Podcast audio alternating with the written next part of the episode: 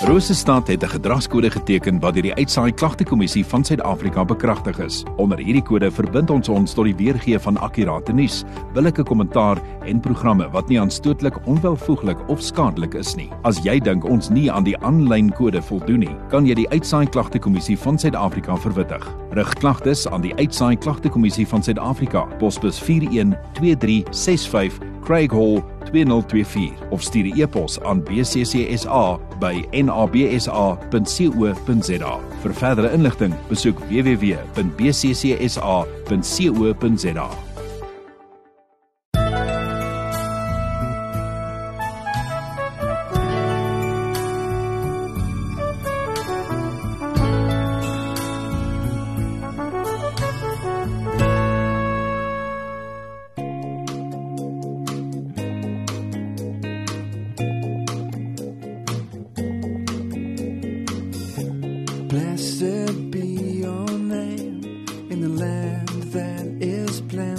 plentiful, where your streams of abundance flow.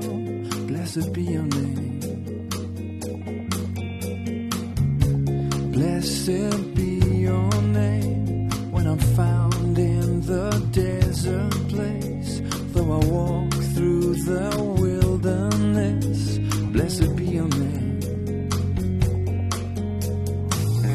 Every blessing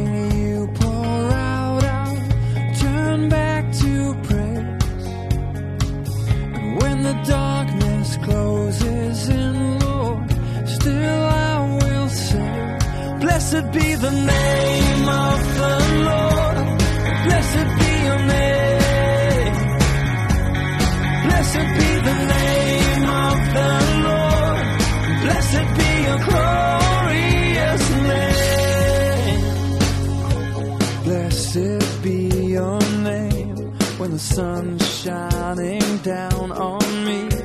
When the world's all as it should be. Blessed be your name.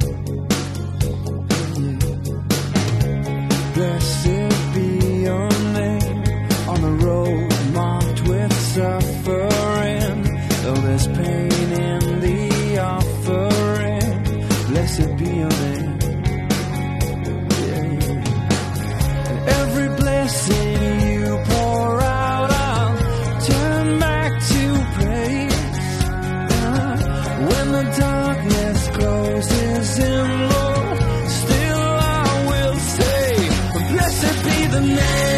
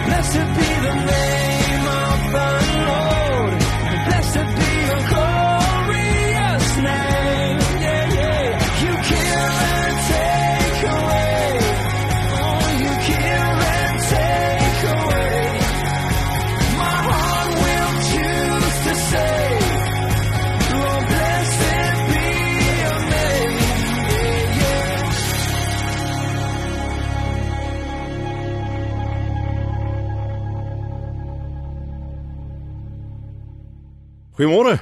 Wat 'n voorreg om die eerste Woensdag van die nuwe jaar so te kan saamkuier rondom die Here se woord. So die eerste klein Saterdag. En soos wat ek genoem het gister en eergister, is dit ons so vir die helfte van die week kyk ons terug op die ou jaar, so aan die hand van die Here se woord In die tweede helfte dan kyk ons vooruit na die jaar wat voorlê. Maar voordat ons 'n uh, gedeelte uit die Here se woord lees, kom ons bid eers saam.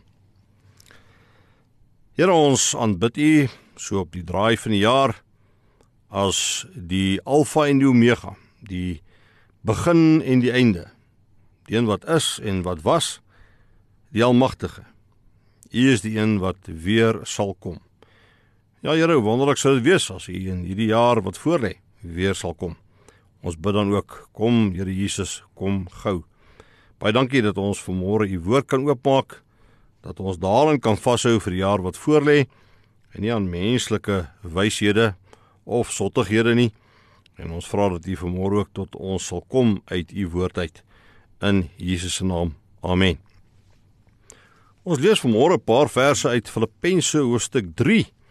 Apostel Paulus skryf hier baie waardevolle woorde vir die gemeente van die Filippense wat ook vir ons van waarde is so aan die begin van die nuwe jaar. Hy skryf daar Filippense 3 van vers 7 Maar wat eers vir my 'n bate was, beskou ek nou as waardeloos ter wille van Christus.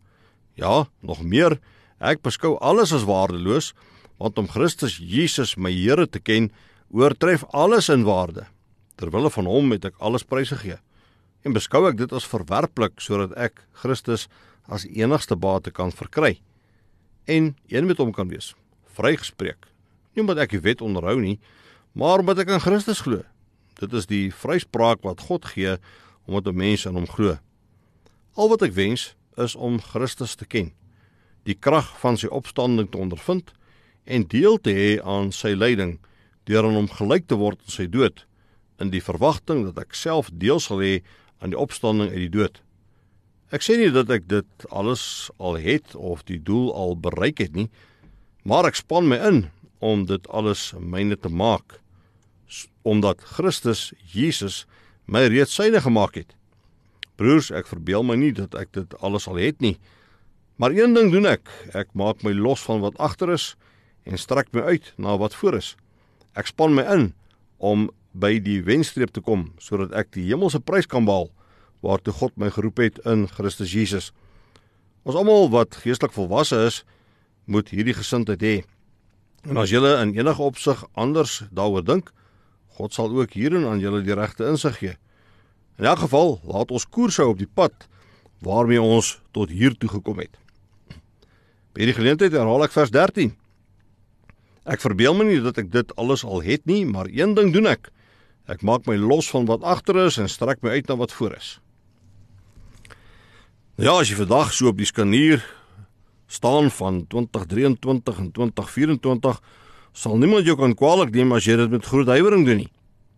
Wanneer ons afskeid neem van 'n jaar, wat sal die Here vir ons uit sy woord wil sê? Ons kyk na ons teks, na aanleiding van die tema, maak klaar met jou verlede in die ou jaar, begin nuut met die nuwe jaar. Wel, hoeveel mense leef nie in die verlede nie? Hoeveel leef nie vasgeketting aan die verlede nie, slawe van hulle lewensgeskiedenis? En dit wat hulle vasketting aan die verlede mag verskil. Party mense kan dalk nie herstel van die negatiewe en afbreekende invloed wat hul ouers op hulle gehad het nie. Ander lê in 'n minderwaardigheidskompleks omdat hulle gedurig op skool gespot is oor die een of ander saak. Ander kan net nie oor 'n egskeiding kom nie. Ons het weer mense wat nie hulle sondes kan vergeet nie. Iemand was dalk op 'n keer oneerlik of het by die reg gebots en hulle kan dit eenvoudig nie uit hulle stelsel kry nie. Hulle het God al om vergifnis gevra, maar dit hou net aan om by hulle te spook. En wat sê Paulus in ons teks? Hy sê ek maak my los van wat agter is en strek my uit na wat voor is. Hy sê met ander woorde dat hy klaar gemaak het met sy verlede. Hy weier om 'n slaaf daarvan te wees. Hy leef vorentoe. En jy kan nou sê, ja nee Paulus, dit is baie maklik vir jou om te praat. Jy was 'n apostel van die Here. Jy het 'n groot deel van die Nuwe Testament geskryf. Jy kan maklik praat. Maar Paulus praat nie maklik nie. Hy praat uit ervaring. Hy was die ywerigste vervolger van die kerk van die Here voordat hy tot bekering gekom het. Wanneer hy hierdie woorde skryf, dan sit hy in die gevangenis. Nie omdat hy die wet oortree het nie, maar bloot omdat hy 'n gelowige is. Paulus het dus meer as genoeg rede gehad het om verbitter te wees. Hy sê kon top oor sy verlede wat vol sonde was as vervolger van die kerk. Hy sê kon top oor die feit dat die lewe onregverdig is. Hy het net gedoen wat goed is en nou sit hy in die tronk daarvoor. Maar die krag van Christus maak hy klaar met die verlede en strek hom uit na die toekoms. Al sy sondes kan hy by die kruis van die Here Jesus laat, al sy teleurstellings ook. En daarom kan hy met nuwe moed vooruitgaan die toekoms tegemoet. Wat 'n belangrike boodskap is dit nie vir ons aan die einde van die ou jaar en so in die begin van die nuwe jaar nie. Want behalwe vir ons verlede in totaal, was daar ook vir ons teleurstellings in die vorige jaar. Sonde in 2023 wat ons gemeenskap met God en ons naaste ontneem het. Maar as dit nie vir die Here Jesus bring nie, gaan dit ons ook vasketting en slawe maak van ons verlede. Miskien is daar nie beter tyd as so by die wisseling van die jaar om jou teleurstellings en sondes in die deurboorde hande van die Here Jesus te laat nie. Wil jy nie ook soos Paulus jou losmaak van dit wat agter is en jou uitstrek na wat voor is nie? 'n Persoon Grantland Rice het hierdie les uit golf geleer. Hy sê hoe vinniger 'n golfspeler kan vergeet van die hou wat hy verbrou het en kan konsentreer op die volgende hou, hoe vinniger kan hy begin om sy golf te verbeter en dit te geniet. Min goeie dinge, sê hy, kom uit te gebroei oor die foute wat ons in die verlede gemaak het.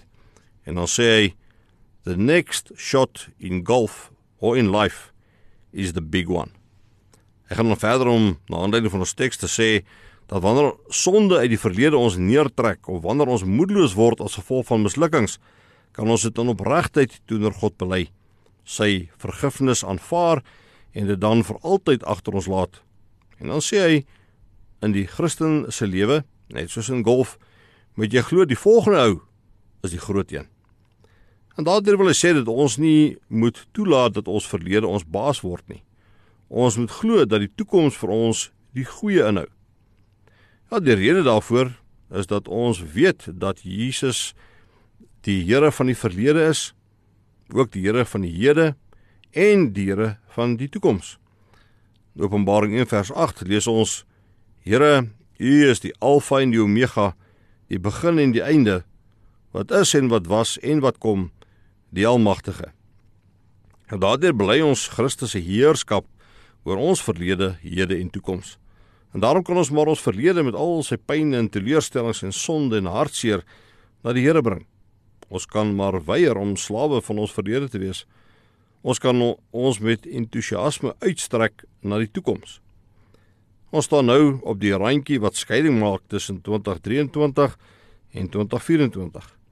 Wil jy nie ook nou klaar maak met die negatiewe dinge van die ou jaar nie? Gee dit vir die Here en handel dit af. Gaan met entoesiasme die nuwe jaar in. Maak ons teks 'n werklikheid in jou lewe. Filippense 3 vers 13 wat sê: Maar een ding doen ek Ek maak my los van wat agter is en strek my uit na wat voor is. Amen. Kom ons bid saam. Here daar is baie mense wat nie kan klaarmaak met die verlede nie. Of party wat ervaar dat die verlede met hulle nie klaarmaak nie. Mense wat maar gevangenes, slawe bly van dit wat hulle in die verlede gedoen het of dit wat in die verlede aan hulle gedoen is. Ek wil bid Heer dat U vir ons die genade sal gee om ons te kan losmaak van dit wat agter ons is. Geef ons die genade om die hekke agter ons toe te maak. Jy is ook die hek van 2023. Help ons om ons te kan uitstrek na die jaar wat voor is. Dat ons hierdie jaar met entoesiasme tegemoet sal gaan en dat ons u naam sal gaan loof in alles wat ons doen. U getuie sal wees in Jesus se naam. Amen. Er van verlange het my sien